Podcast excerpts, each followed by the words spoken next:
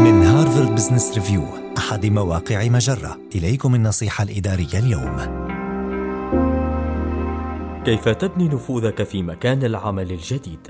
لن يصبح الجميع معجبين بك عندما تنضم إلى شركة جديدة وقد يسعى البعض إلى إحباطك. ولكن هناك استراتيجيات يمكنك اتباعها لبناء نفوذك وإفساح أمام الرافضين للإيمان بك. ولمنع حدوث الخطأ المتمثل في تحطيم المعايير وأساليب العمل المقبولة في المؤسسة قبل أن تتمكن من تطوير مكانتك بها ابدا بتشكيل مجلس إدارة شخصي للحصول على رؤى ونصائح صادقة. اطلب من بعض الأشخاص الأكثر صعوبة في الإرضاء من حولك أن يقدموا ملاحظات وتعليقات مستمرة وحاول التواصل مع زميل لا يتجاوب معك وابدأ معه محادثة من القلب إلى القلب. وضع في اعتبارك أنهم لا يكرهونك لشخصك بل يكرهون ما تمثله.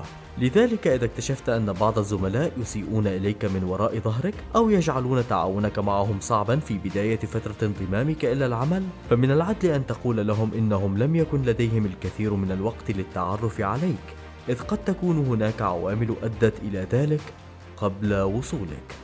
هذه النصيحة من مقال هل أنت قلق من أن يكرهك زملاؤك الجدد في العمل؟